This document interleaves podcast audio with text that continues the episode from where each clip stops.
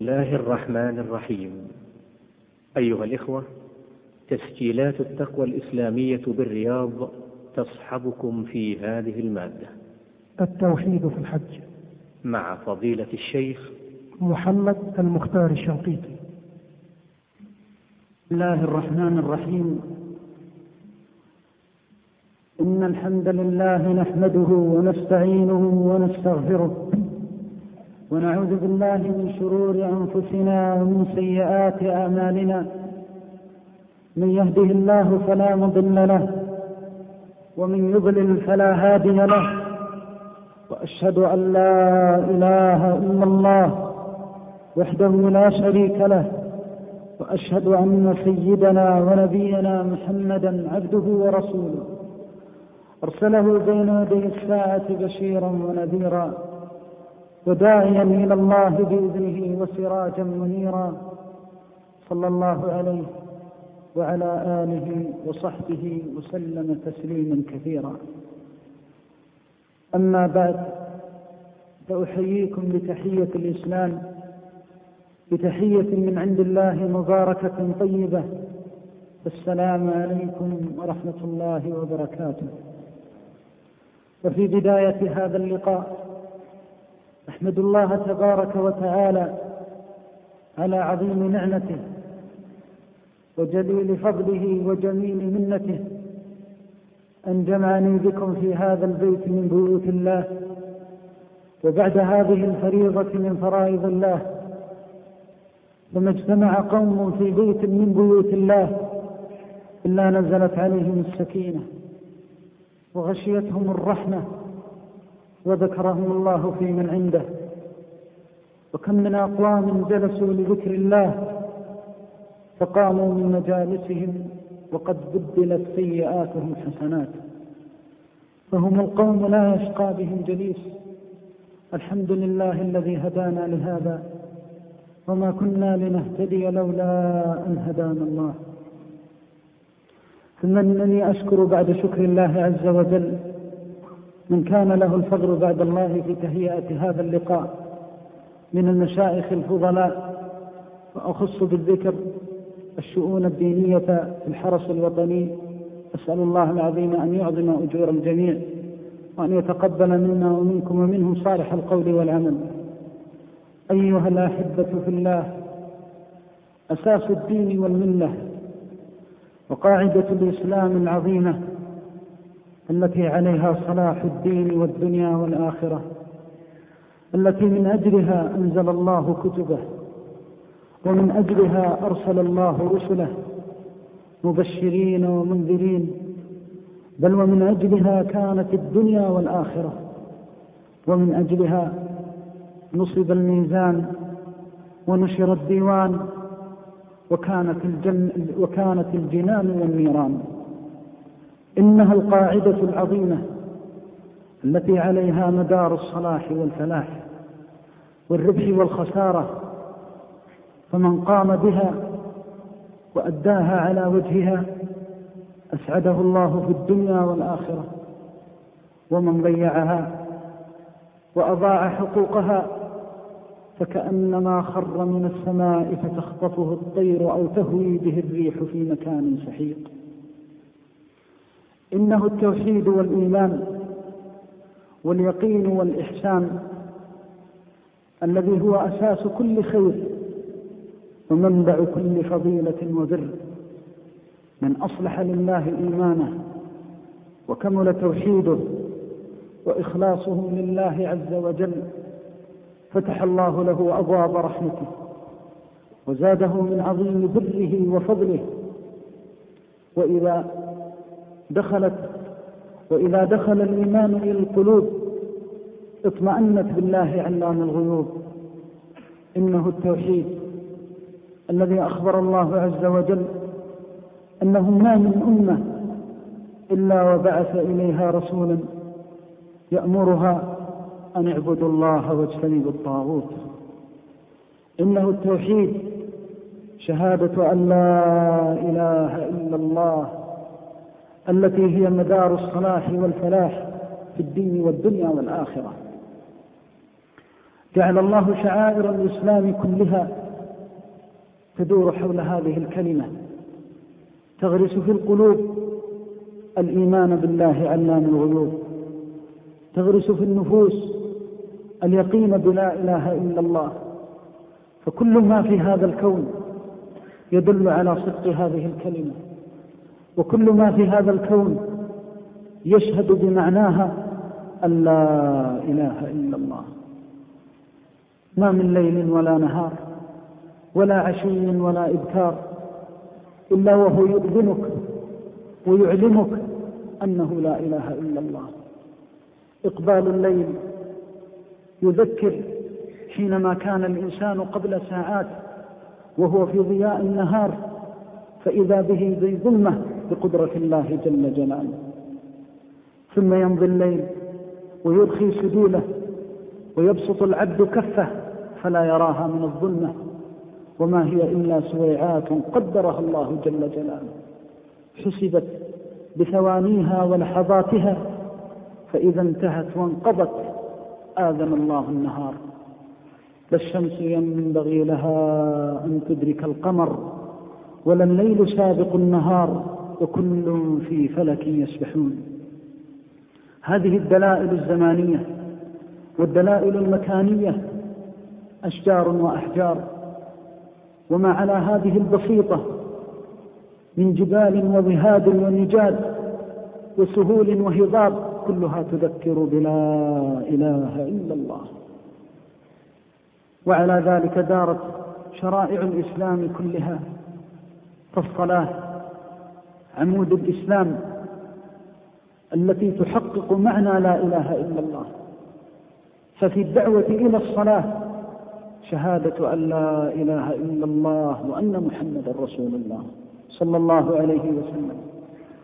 وإذا دخل العبد إلى مسجده وأراد أن يؤدي فريضة ربه استفتحها بقوله الله أكبر الله أكبر من كل شيء. وأعظم من كل شيء فيستفتح بالتوحيد ويختم صلاته بالتوحيد. السلام عليكم ورحمة الله وهي دعاء بالسلامة والرحمة على العباد ولا يسلم إلا الله. تفتتح بالتوحيد وتختتم بالتوحيد وتقوم جميع أركانها على التوحيد من قراءة القرآن والتسبيح في الركوع والسجود وغير ذلك من الأذكار القولية والأفعال كلها تدور حول لا إله إلا الله. وهذه الزكاة لا يدفعها العبد إلا وهو يعلم ويوقن بهذه الكلمة لأنه يعلم أن المال مال الله وأن الله أغناه من الفقر وأعزه من الذل وكساه من العري وأطعمه من الجوع وأغدق عليه هذا المال فإذا قدم الصدقة خالصة من قلبه فقد حقق معنى لا إله إلا الله. أطاع الله جل جلاله وامتثل أمره وأدى زكاته طيبة بها نفسه وطلبها وأداها وطلب أصحابها فوضعها في أيديهم أمانة يلتمس بها مرضاة الله سبحانه وتعالى. تحقيقا لهذه الكلمة وإيمانا بما فيها. كذلك الصيام فما جاعت الأحشاء ولا ظمئت الأمعاء إلا بالإيمان بالله سبحانه وتعالى.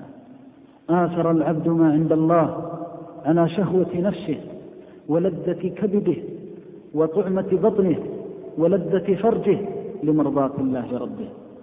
جميع شعائر الإسلام تدور حول هذه الكلمة العظيمة. ومن ذلك شعيرة الحج التي جعلها الله سبحانه وتعالى قاعدة من قواعد التوحيد. تدل على كلمة لا إله إلا الله من بدايتها إلى نهايتها ومن مشعر إلى مشعر ومن منسك إلى منسك والعبد يدور حول كلمة التوحيد والإخلاص لا إله إلا الله. أول ما يخرج من بيته لا يخرج ولم يخرج إلا وهو يعلم أن الله يسمعه ويراه. ولا يخرج من بيته مفارقا لأهله وولده وحبه وزوجه إلا والله أحب إلى قلبه من الكل. تتعلق به الصبية ترده عن مسيره يتعلق به الأبناء والبنات وتستمسك به الزوجات فيعلنها صيحة طاعة لله فاطر الأرض والسماوات. فيفارق فلذات الكذب ويفارق أرضا وموطنا ربما كان في مشرق الأرض أو مغربها. كل ذلك عبودية لله سبحانه وتعالى. الله أكبر. من آثر ما عند الله على ما عند نفسه وعلى ما عند الناس.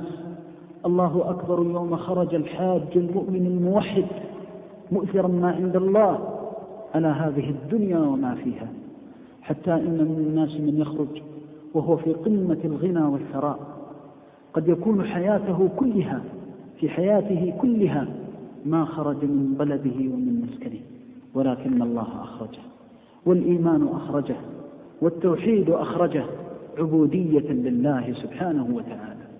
لو أنفقت له الملايين ما خرج ولكن خرج لأنه يؤمن بالله واليوم الآخر. كذلك أيضا يخرج العبد في مسالكه وشعبه والشهاب التي يطرقها في مسيره وهو مؤمن بالله سبحانه وتعالى. وفي أول لحظة من لحظات الحج يريد أن يدخل في نسك الحج فيغتسل ويتجرد إذا به يتذكر الآخرة في ذلك الاغتسال وذلك التجرد. قال بعض العلماء المؤمن في عبادة الحج يتذكر الآخرة في أكثر مشاعر الحج. منذ أن يأتي ويخلع ثيابه عن جسده يتذكر إذا خلعت منه بلا حول ولا قوة.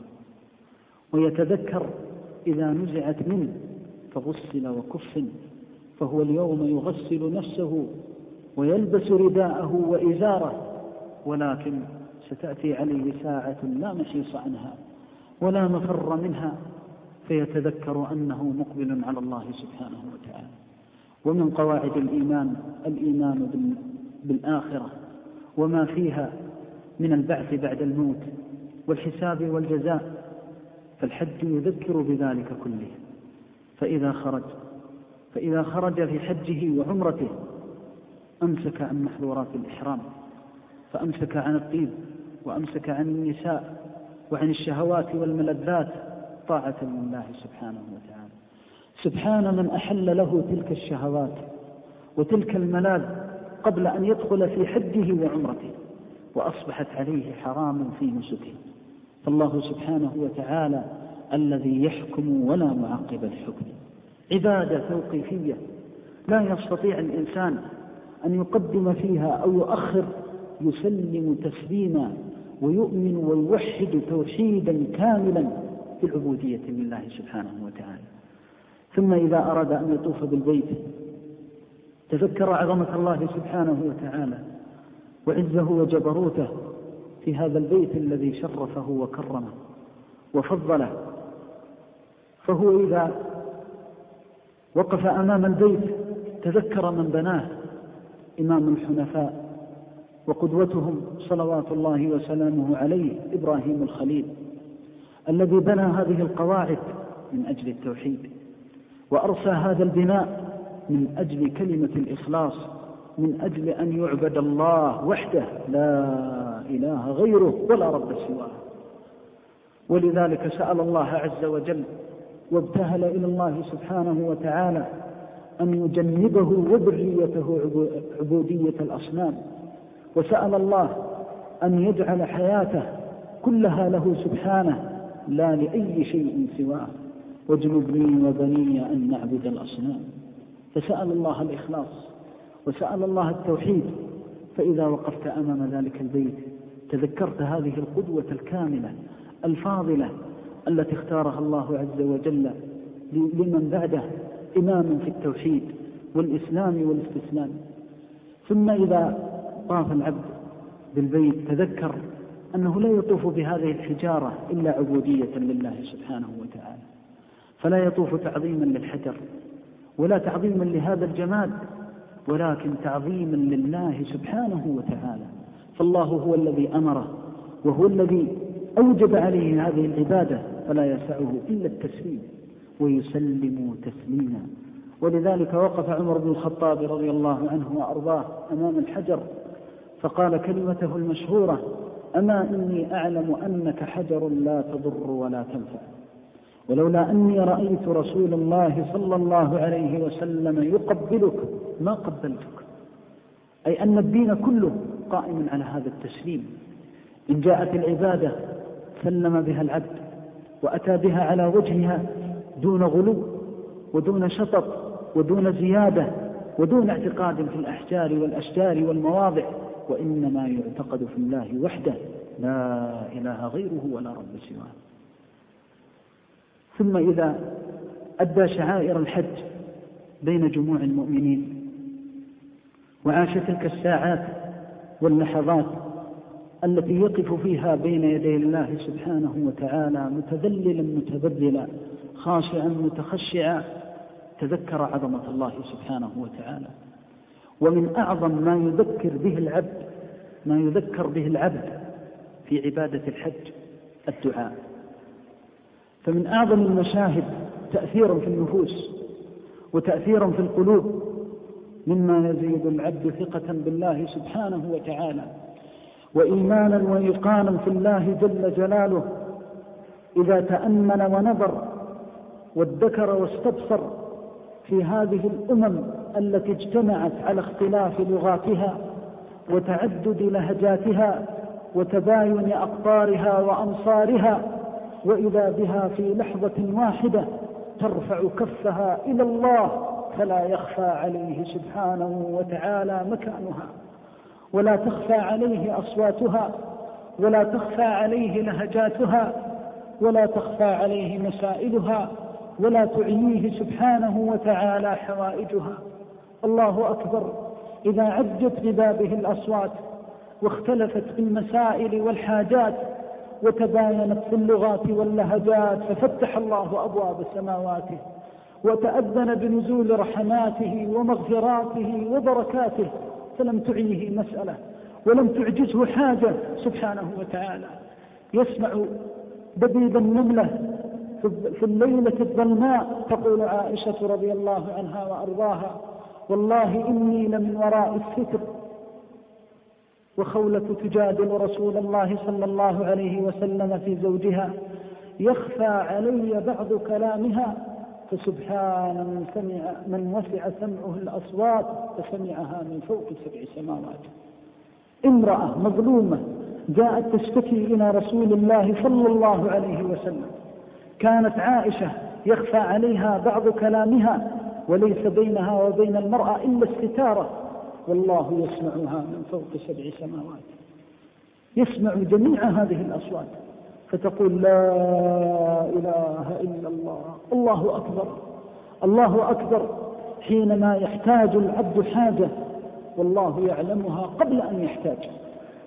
ومطلع عليها قبل أن تكون. علم ما كان وما يكون وما لم يكن أن لو كان كيف يكون. سبحانه جل جلاله وتقدست أسماؤه تضطرب كتفك بجوار الأكتاف ويضطرب جسم الإنسان مع غيره من إخوانه وخلانه في الإسلام ومع ذلك كله يسمع شكواهم ومسائلهم وحوائجهم فيوقن بأنه لا إله إلا الله. هل طردنا الله عن بابه؟ حاشاه حتى نقف على أبواب المشاهد والقبور. هل ردنا الله سبحانه عن دعائه حتى ندعو غيره ونتوسل بما سواه. هل عدمت حوائجنا على الله سبحانه وتعالى حتى ننزلها بغيره؟ لا والله قل من بيده ملكوت كل شيء. فسبحان الذي بيده ملكوت كل شيء. يا عبادي لو أن أولكم وآخركم وإنسكم وجنكم قاموا في صعيد واحد. فسألوني فأعطيت كل واحد مسألته وما بلغته أمنيته. ما نقص ذلك من ملكي شيئا. ما ينقص من ملك الله جل جلاله شيئا. لا يعجزه شيء. إنما أمره إذا أراد شيئا أن يقول له كن فيكون. ثم تأمل. تأمل رحمة الله سبحانه وتعالى. يخرج المحتاج من أهله وولده. وحبه والله ما أخرجهم إلا لشيء أعظم وأفضل مما خرجوا منه. ولا يمكن أن يخرج إنسان من تلك الشهوات وتلك الملاذ ومن بين الأبناء والبنات إلا عوضه الله خيرا مما ترك. لأن الله كريم.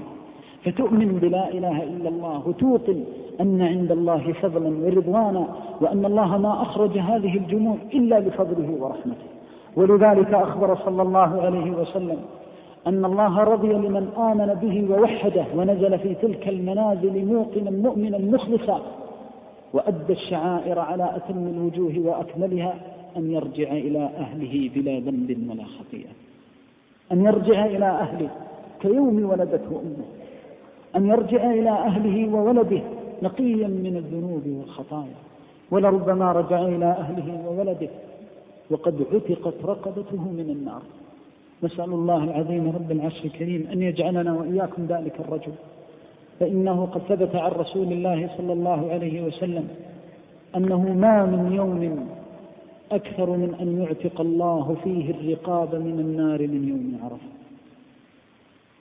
ومعنى العتق من النار أنه لا يمكن أن يدخل العبد النار أبدا مهما كان حاله. ولا شك أن هذا بشارة له أنه سيموت على التوحيد ويموت على الإيمان ويموت على خصال الخير والبر فيختم له بخاتمة الشهداء جعلنا الله وإياكم منهم. يوقن العبد وهو يرى هذه المشاهد يرى هذه الأمم كلها جاءت لله سبحانه وتعالى فيزداد ثقة بالله جل جلاله ويتفكر ويتدبر. هل حاجتي تعجز الله عز وجل؟ كلا والله. لا يعجزه شيء في الأرض والسماء. فبمجرد أن ترى ذلك توقن إيقانا كاملا أن مسائلك وحوائجك لا ينبغي أن تنزل إلا بباب الله جل جلاله. فالدعاء والسؤال والحاجة لا يجوز أن تنزل إلا بالله وحده لا شريك له. ومن أنزل حاجته بغير الله زاده الله فقرا. ومن أنزل حاجته بالله تأذن الله له بالفرج العاجل سبحانه وتعالى. ومن يتوكل على الله فهو حسبه. ومن يؤمن بالله يهدي قلبه. ومن مشاهد التوحيد التي تدل على عظمة الله سبحانه وتعالى وفضله وكرمه سعة الرحمة سعة الحلم. فالله تعالى من صفاته أنه حليم ورحيم. فأنت إذا قرأت الحديث الصحيح عن النبي صلى الله عليه وسلم أن من حج البيت فلم يرفث ولم يفسق رجع من ذنوبه كيوم ولدته أمه. علمت علما جازما أن الله لا تضره معصية العاصين ولا تنفعه طاعة المطيعين. من حلمه ورحمته أقوام أبناء ستين وسبعين عاما وقفوا ببابه لحظة من اللحظات. أراقوا فيها الدموع وأظهروا فيها الحسرات واللوعات على من سلف وكان من الذنوب والعصيان. فاستقالوا واعتذروا لربهم وتابوا واستغفروا فغفر الله ذنوبهم بل وبدل الذنوب حسنات أي كرم أي فضل. والله لو تأمل الإنسان عظمة هذا الرب لأحس لأحس بقيمة هذه الحياة فلا لذة لهذه الحياة إلا بمعرفة بالله سبحانه وتعالى. ومن عرف الله جل جلاله أقبل على الله صدق الإقبال فأتم خشيته وهيبته سبحانه وتعالى وحبه جل جلاله. هذا الرب الكريم أمم تعصيه وتذنب وتسرف ومع ذلك يبدل السيئات حسنات. لا يغفر فقط بل يبدل الذنوب والسيئات حسنات. سبحان الله ما أكرمه. لنا مليك محسن إلينا من نحن لولا فضله علينا. تبارك الله وجل الله.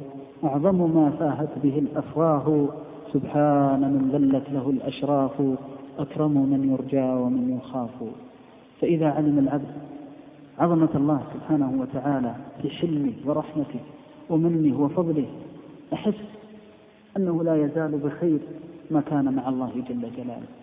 كذلك يحس أنه ما دامت هذه الأمم كلها تنادي الله جل جلاله في لحظة واحدة والله يسمعها ويراه ويراها فإن الله سبحانه وتعالى سيرحمه كما رحمهم وسيلطف به كما لطف بهم. ولكن ما على الإنسان إلا أن يوقن في الله جل جلاله وأن يسلم لله قلبه. فلا تضيق عليك أي ضائقة ولا تنزل بك أي ملمة إلا أحسنت الظن بالله عز وجل. من الأمور التي يستفيدها الحاج في حجه حسن الظن بالله عز وجل. لأنك إذا رأيت هذه الأمم كلها وتعلم علم اليقين أن فيهم المغفور والمرحوم ولربما ونحن لا نستكثر على الله ولا نستبعد على الله وليس على الله بعزيز أن يقول لأهل الموقف كلهم انصرفوا قد غفرت لكم. ليس على الله بعزيز. بغي من بغايا بني إسرائيل زانية أعاذنا الله وإياكم. لم تعمل خيرا قط مرت على كلب ينهت الثرى فرحمته فملأت موقها وخفها وسقته. فشكر الله لها فغفر لها ذنوبها. فقط بشربة ماء. ورجل مر على غصن شوك وهو مطروح في طريق المسلمين أخذته الشفقة فأحب الإحسان وقال والله لأنحين هذا عن طريق المسلمين. فزحزحه عن الطريق فزحزحه الله عن نار جهنم. من هذا الرب؟ الرب الكريم الحليم الرحيم. لا يزيد ليس هناك. للعبد مثل حسن الظن بالله جل جلاله. ولذلك في الحديث الصحيح يقول الله تعالى أنا عند حسن ظن عبدي بي أنا عند ظن عبدي بي فمن ظن بي خيرا كان له ومن ظن بي شرا كان له. من ظن بالله شرا والعياذ بالله الذين يعكفون على الأشجار والأحجار والقبور ويلوذون بأصحابها ويضفون عليهم الألقاب والكلمات التي لا تليق إلا بالله جل جلاله تعالى الله عما يقول المشركون علوا عظيما. هؤلاء في خيبتهم وخسارتهم لأنهم أساءوا الظن بالله جل جلاله. ما عرفوا الله عز وجل؟ ولا لو عرفوا الله عز وجل. ما التفتوا إلى شيء سواه. نسأل الله السلامة والعافية فحسن الظن بالله سبحانه وتعالى. ولذلك إذا أحسن العبد ظنه بالله عز وجل تلقاه الله برحمته. وفاز بعفوه ومغفرته. نسأل الله العظيم رب العرش الكريم أن يشملنا بذلك العفو والمغفرة. يتأمل المسلم من مشاهد التوحيد. إذا كان يوم النحر الذي وصفه الله عز وجل بيوم الحج الأكبر هذا اليوم الذي يستفتح الناس فيه رمي جمرة العقبة فيتذكرون موقفا من مواقف التوحيد لإمام من أئمة الحنيفية صلوات الله وسلامه عليه إبراهيم الخليل. هذا النبي الممتحن الذي امتحن في لا إله إلا الله فصدق مع الله فصدق الله معه. شعائر الحج تذكر به صلوات الله وسلامه عليه في إيمانه وتسليمه ومن ذلك يوم الحج الأكبر. هذا اليوم المبارك يستفتحه العبد إذا أشرقت شمسه برمي جمرة العقبة. إذا تذكر خليل الله وهو يرى في الرؤيا أنه يقتل ولده ويذبحه أي امتحان مثل هذا الامتحان؟ امتحنه الله في بلده ووطنه فخرج من بلده مهاجرا إلى الله فأبدله الله الأرض المقدسة. ثم امتحنه الله عز وجل في عشيرته وقومه فتركهم لله فجعل الله في ذريته النبوة والكتاب. ثم امتحنه الله في بلده امتحنه الله عز وجل في ولده وفلدة كبده أن يذبحه. يا بني إني أرى في المنام أني أذبحك. فانظروا ماذا ترى. وانظروا كيف الذرية الطيبة وأهل التوحيد كيف يجعل الله عز وجل ذريتهم طيبة. قال تعالى ذرية بعضها من بعض. قال يا أبت افعل. انظروا كيف التوحيد والتسليم. إذا جاءك أي أمر من أوامر الله أن تفعل شيئا أو تترك شيئا. هذا صبي وهو في صغره يسأل أن يضحي بروحه ونفسه. قال يا أبت افعل ما تؤمر. هذا التوحيد والإيمان. يا أبت افعل ما تؤمر. ثم انظر إلى التوحيد. ستجدني إن شاء الله. ما قال ستجدني واتكل على حوله وقوته. لا. ستجدني إن شاء الله من الصابرين صلوات الله وسلامه. الله أكبر. تصور إذا قدمت روحك للموت. استجابة لأمر الله. كانت رخيصة أمام أمر الله جل جلاله تسليم توحيد. وانظر كيف يأتي الفرج مع كماله. إن شاء الله من الصابرين. صلوات الله وسلامه. الله أكبر. تصور إذا قدمت روحك للموت استجابة لأمر الله. كانت رخيصة أمام أمر الله جل جلاله تسليم توحيد. وانظر كيف يأتي الفرج مع كمال التوحيد. يقول الله عز وجل فلما أسلم حتى جاء في الأخبار والسير أن إسماعيل يقول لوالدي يا أبتي لا لا تذبحني وأنا مقبل إليك ولكن أكفني على وجهي حتى لا تنظر إلي فتدركك الشفقة. حتى الإذن يعين على على الإيمان والتسليم. ترى الأب إذا كان موحدا صالحا أنشأ الله له الذرية الصالحة والعكس أيضا. ولذلك سلة بن أشيم كان له أربعة من الولد وتقدم للجهاد في سبيل الله. فماذا قال هذا الأب الصالح أمام الغزو وأمام العدو؟ وأمام انظر الشجاعة والإيمان الذي ينبغي أن يكون عليه الموحد الموقن الذي لا يمكن أن يفلح في الدنيا إلا بهذا الإيمان الذي يورث الشجاعة. قال يا أبنائي قال لأحد أبنائي الكبير تقدم يا بني تقدم يا بني فإني أريد أن أحتسبك عند الله. يعني أريد أن تموت أنت قبلي فأحتسبك عند الله عز وجل. ما جاء هو يتقدم فرارا عن أن يرى ولده يذبح أمامه. لا. هكذا كانت الأمة الموحدة الموطنة المخلصة. فإبراهيم عليه السلام يقول له ابنه ستجدني إن شاء الله من الصابرين. يقول الله تعالى فلما أسلم أسلم يعني استسلم. وهذا التسليم يأتيك أمر الله في بيتك في أهلك وزوجك. حينما تستسلم وتنفذ أمر الله يأتيك الفرج لكن تذهب تبحث عن الرخص تتأول تجتهد يسلب العبد يسلم العبد إلى حوله وقوته نسأل الله السلامة والعافية. لكن إذا سلم وتوكل واعتقد في الله فالله لا يخيب يقول الله فلما أسلم وتله للجبين وناديناه أن يا إبراهيم قد صدقت الرؤيا. فجاء الفرج وفديناه بذبح عظيم. ففداه الله جل جلاله من فوق سبع سماوات بالإسلام والاستسلام والتوحيد.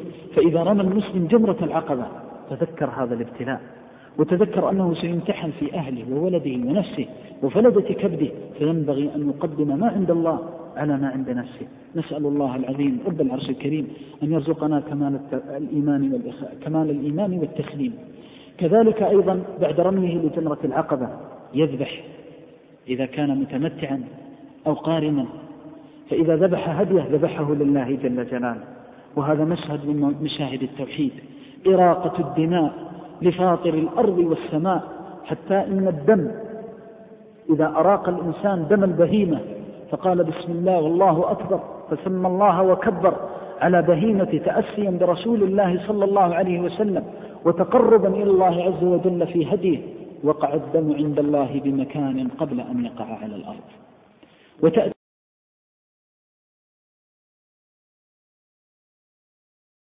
بجلودها وشعرها وأظلافها وجميع ما فيها في ميزان العبد.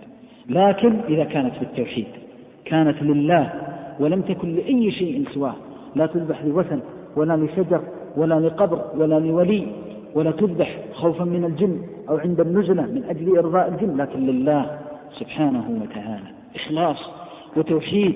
قل إن صلاتي ونسكي يعني ذبحي كما قال تعالى فصل لربك وانحر.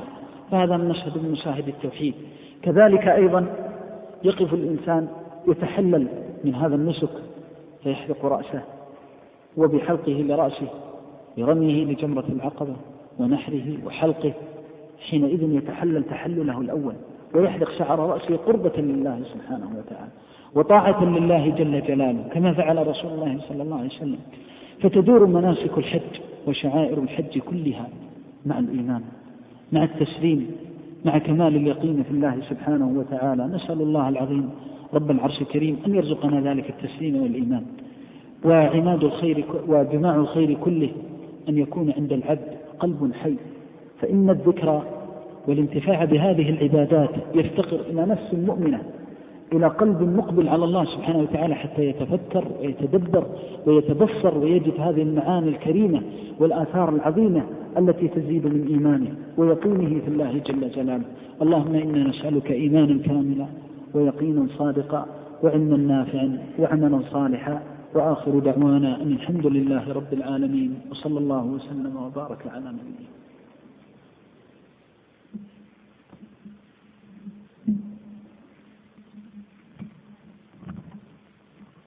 شكر الله للشيخ على هذه الكلمات الطيبات ونستأذن فضيلة الشيخ ببعض الأسئلة التي نسأل الله أن ينفع بها ونجعلنا وإياكم من يستمعون القول فيتبعون أحسنه. هذا أحسن الله إليكم. يقول بعد السلام عليكم ورحمة الله وبركاته. يقول يرى في مكة والمدينة من الحجاج من بعض الحجاج الذين يقعون في بدع وشركيات ويوطخون عقيدتهم بالخرافات والخزعبلات. فما هو دور الموحدين وما هي نصيحتك لهؤلاء بسم الله الحمد لله والصلاة والسلام على خير خلق الله وعلى آله وصحبه ومن والاه. أما بعد فإن الله تعالى أكرم الحرمين وأنعم على الحرمين بل على الإسلام كله بهذه الدولة المباركة التي حفظت حمى التوحيد. وحرصت كل الحرص على حماية جناب التوحيد من الشرك والخرافات. فمن يعرف المدينة والحرمين قبل هذه النعمة العظيمة فإنه يعرف جليل ما أنعم الله به على الإسلام والمسلمين. فقد كان الناس في كثير من الجهل والبدع والضلالات والخرافات وكانت أموال الناس تؤكل بالباطل وكانت بدع المضلين وتمات تحيا بدع المضلين وتمات سنن المرسلين صلوات الله وسلامه عليهم. ولكن الله من على العباد بهذا النور وبهذا الخير الذي تبددت به دياجير الظلم والظلمات وأشرقت به أنوار التوحيد والرسالة وعظم بها به الخير على هذه الأمة وصلح حالها والحمد لله أولا وآخرا وظاهرا وباطنا. وإن وقع شيء من الإخلال من بعض الوافدين فينبغي أن يوجهوا وأن يعلموا وأن يدلوا على ما هو أحكم وعلى صراط الله عز وجل الأسلم الذي هو صراط التوحيد.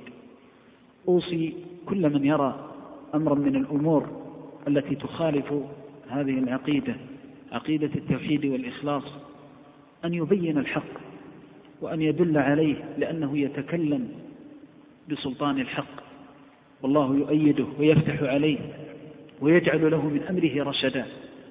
بل نقذف بالحق على الباطل فيدمغه فإذا هو زاهق. فيحرص طلاب العلم والعلماء والدعاة وكل مؤمن موحد ينبغي أن يغار على التوحيد.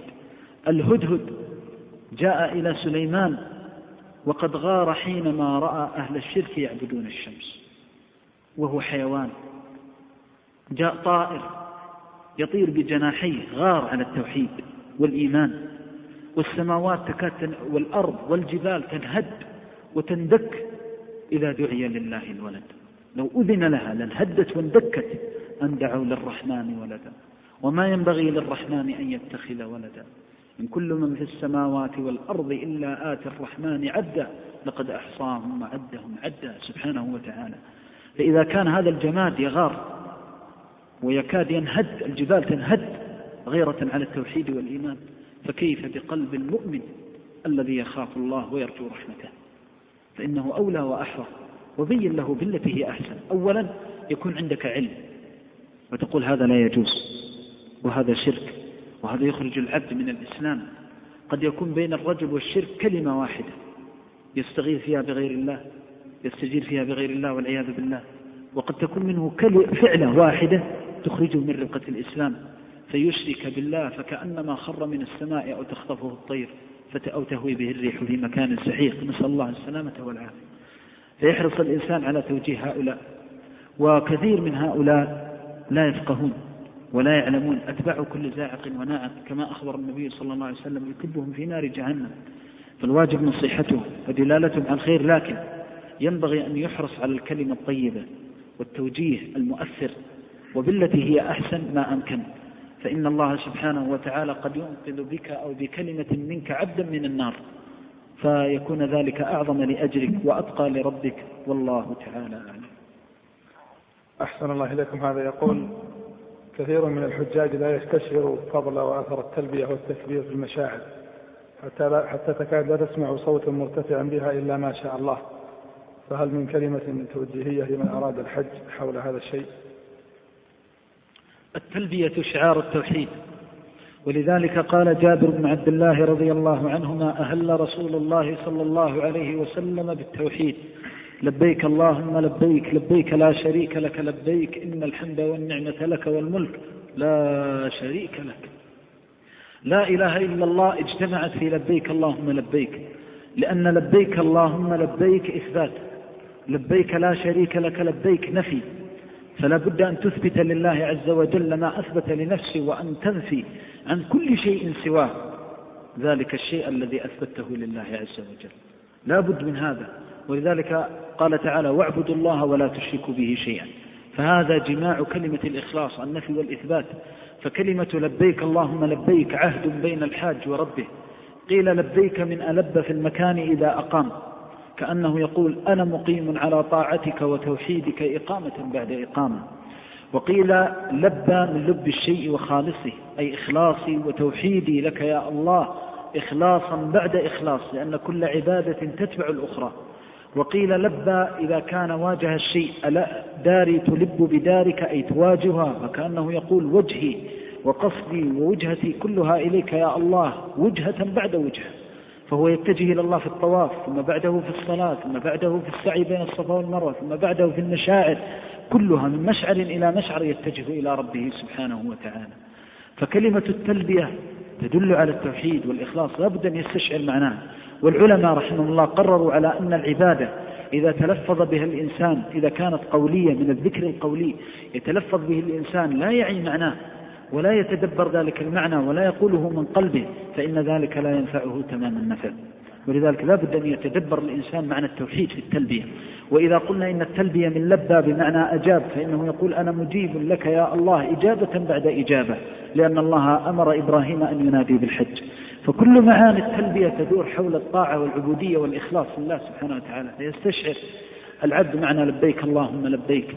وكذلك قوله لبيك لا شريك لك لبيك فإن قوله لبيك لا شريك لك لبيك أمر مهم جدا فالذي لا يبرأ من الشرك ويرضى بالشرك والعياذ بالله يكون له حكم أهله والعياذ بالله. لا بد من البراءة. لبيك لا شريك لك لبيك إن الحمد فالحمد كله أوله وآخره ظاهره وباطنه سره وعلانيته في الدنيا والآخرة لله جل جلاله. ولذلك استفتح الله الأمور بحمده فاستفتح أحبها وأشرفها إليه وهو كتابه ورسالته فقال الحمد لله رب العالمين. وختم الآخرة كلها فقال وقضي بينهم بالحق وقيل الحمد لله رب العالمين. فلله الحمد في الأولى والآخرة وله الحمد عشيا وإبكارا وله الحمد سرا وجهارا. تبارك اسمه وتقدست أسماؤه ولا إله غيره. إن الحمد والنعمة لك النعمة كلها لله والفضل كله لله. فإذا لبى المسلم بهذه التلبية يستشعر هذا المعنى وأنه يعتقد أن الفضل كله لله وليس لأحد سواه.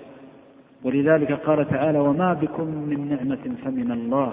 فالله هو صاحب النعمة وموليها. وكذلك أيضا بالنسبة لبقية أذكار الحج ينبغي بالنسبة للتلبية رفع الصوت بها. ولذلك كان صلى الله عليه وسلم يأمر أصحابه كما في الصحيح تقول لبيك اللهم ترفع بها صوتك. فإذا سمع صوتك وأنت تلبي الحجر والشجر والمدر شهد لك بين يدي الله جل جلاله. قال صلى الله عليه وسلم إني أراك تحب الغنم والبادية فإذا كنت في غنمك فأذن فإنه لا يسمع صوتك.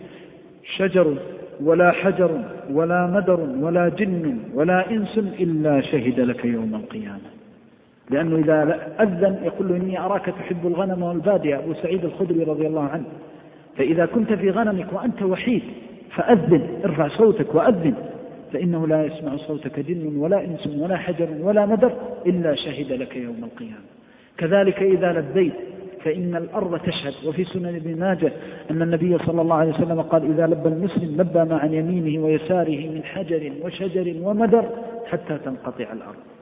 كله يلبي لأن هذا الجماد كله يحب ذكر الله جل جلاله. ولذلك ينبغي للمسلم أن يكثر من هذه التلبية وأن يرفع بها الصوت. نسأل الله العظيم أن يحيي بنا هذه السنة وأن يعيننا على تطبيقها. ولا يستحي الإنسان.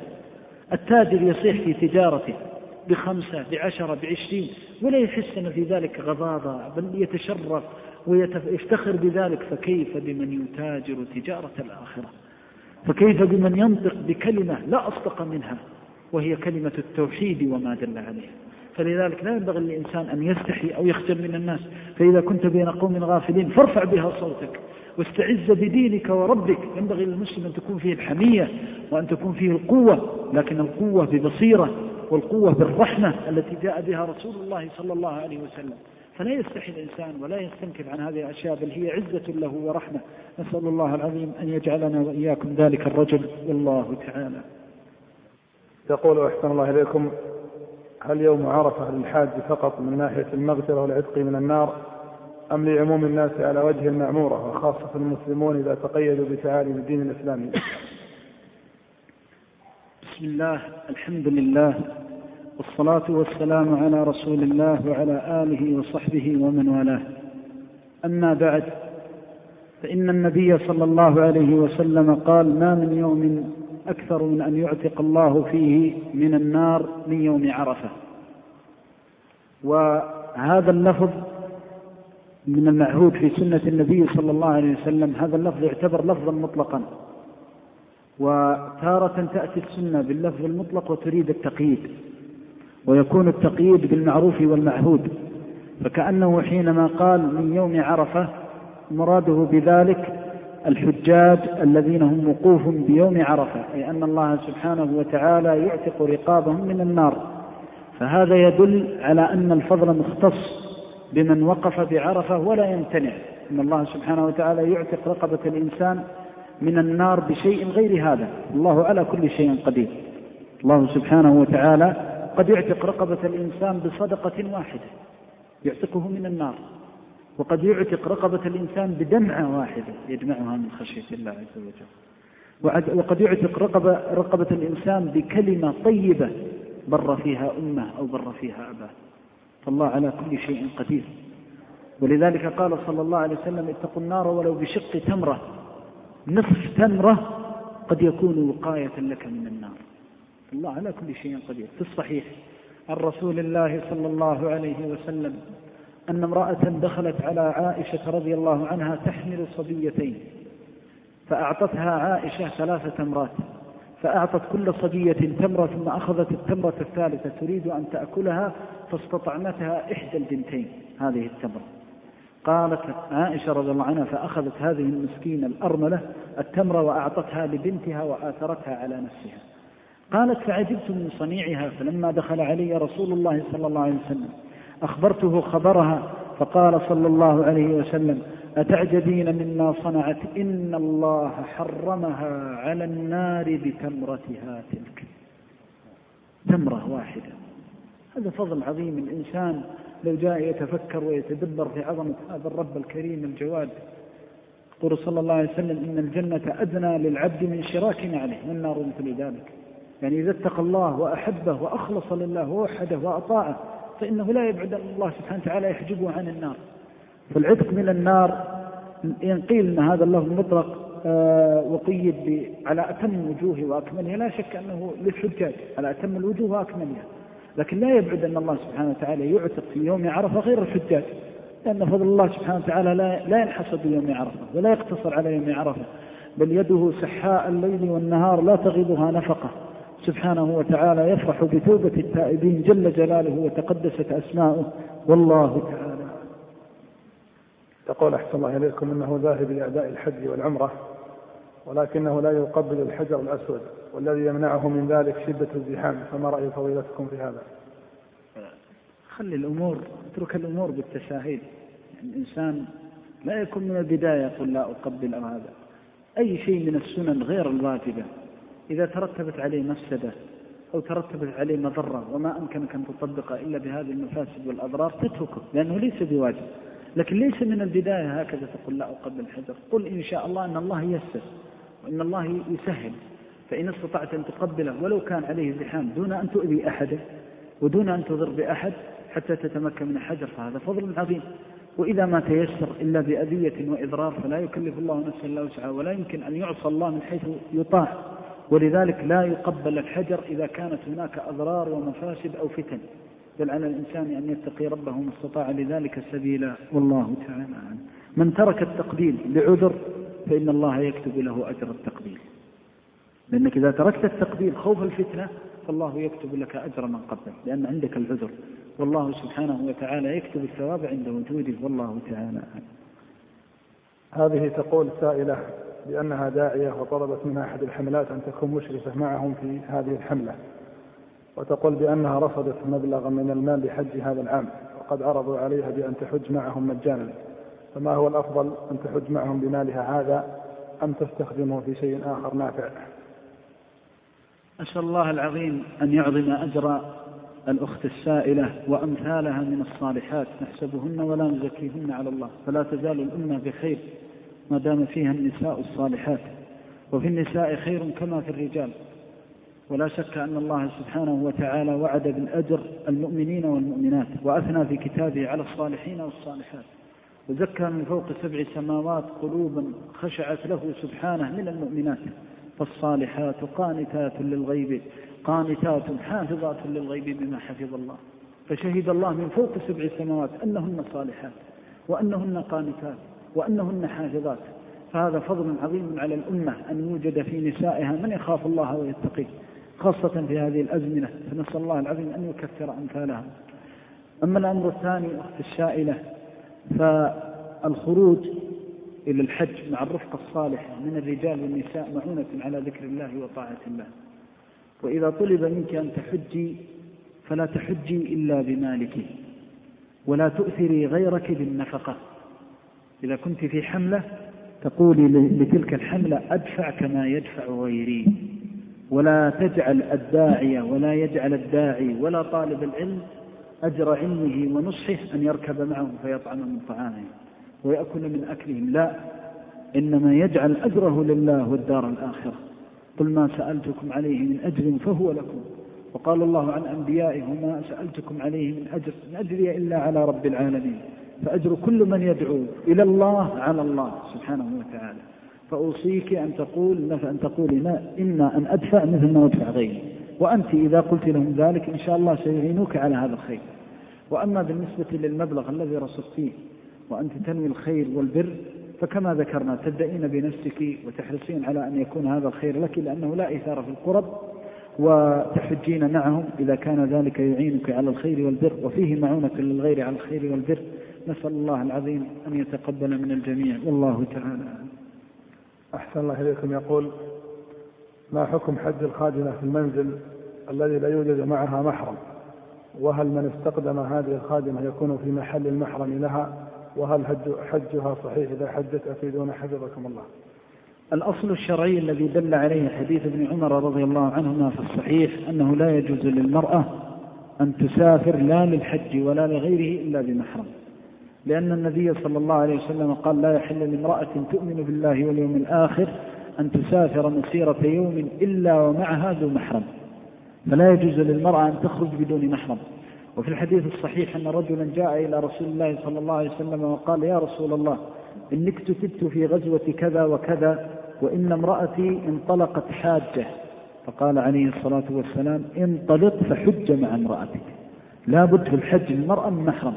ولا تسافر إلا ومعها المحرم. لكن لو كانت الخادمة في مكة ومكة لا شك المشاعر ليست بالسفر. ولذلك يجوز في هذه الحالة أن تكون مع رفقة مأمونة يأخذها مع زوج مع زوجته مع أخواته محتشمة محافظة. هذا لا بأس به لأنه ليس بسفر إذا كانت في مكة. وإذا كانت دون مسافة القصر من الحرم كما هو مقرر في الأصل الشرعي. والله تعالى يقول أحسن الله إليكم.